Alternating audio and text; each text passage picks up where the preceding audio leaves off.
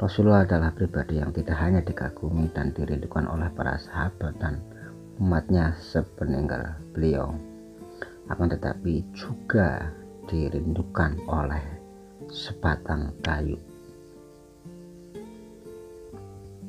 Inilah kerinduan dari benda badat kepada Rasulullah. Kisah yang mengharukan ini disebutkan dalam karyanya Imam Al-Bukhari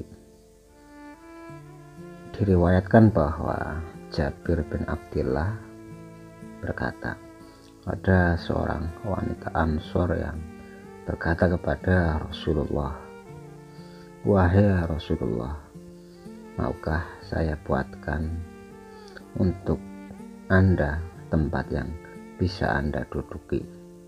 Karena aku memiliki budak yang ahli pertukangan. Kemudian Rasulullah menjawab, silahkan saja jika kamu mau maka perempuan itu memerintahkan budaknya untuk membuatkan mimbar untuk Rasulullah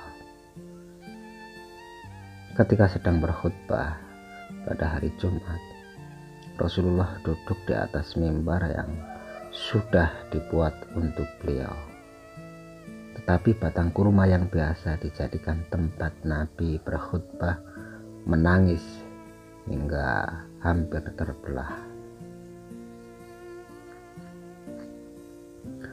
Nabi kemudian turun dari mimbar dan mendekatinya.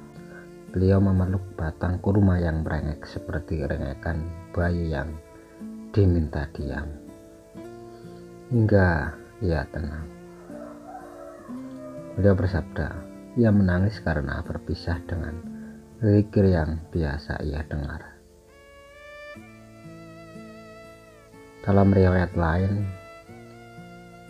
demi zat yang jiwa Muhammad ada di kekuasaannya, andai aku tidak menenangkannya, ia akan terus seperti ini hingga hari kiamat tiba karena merindukan Rasulullah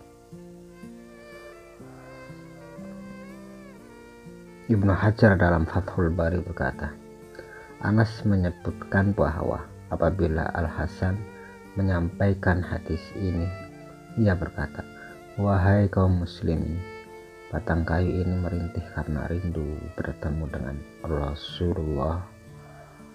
Kalian seharusnya lebih berhak untuk merindukan beliau. Adalah kita merindukan beliau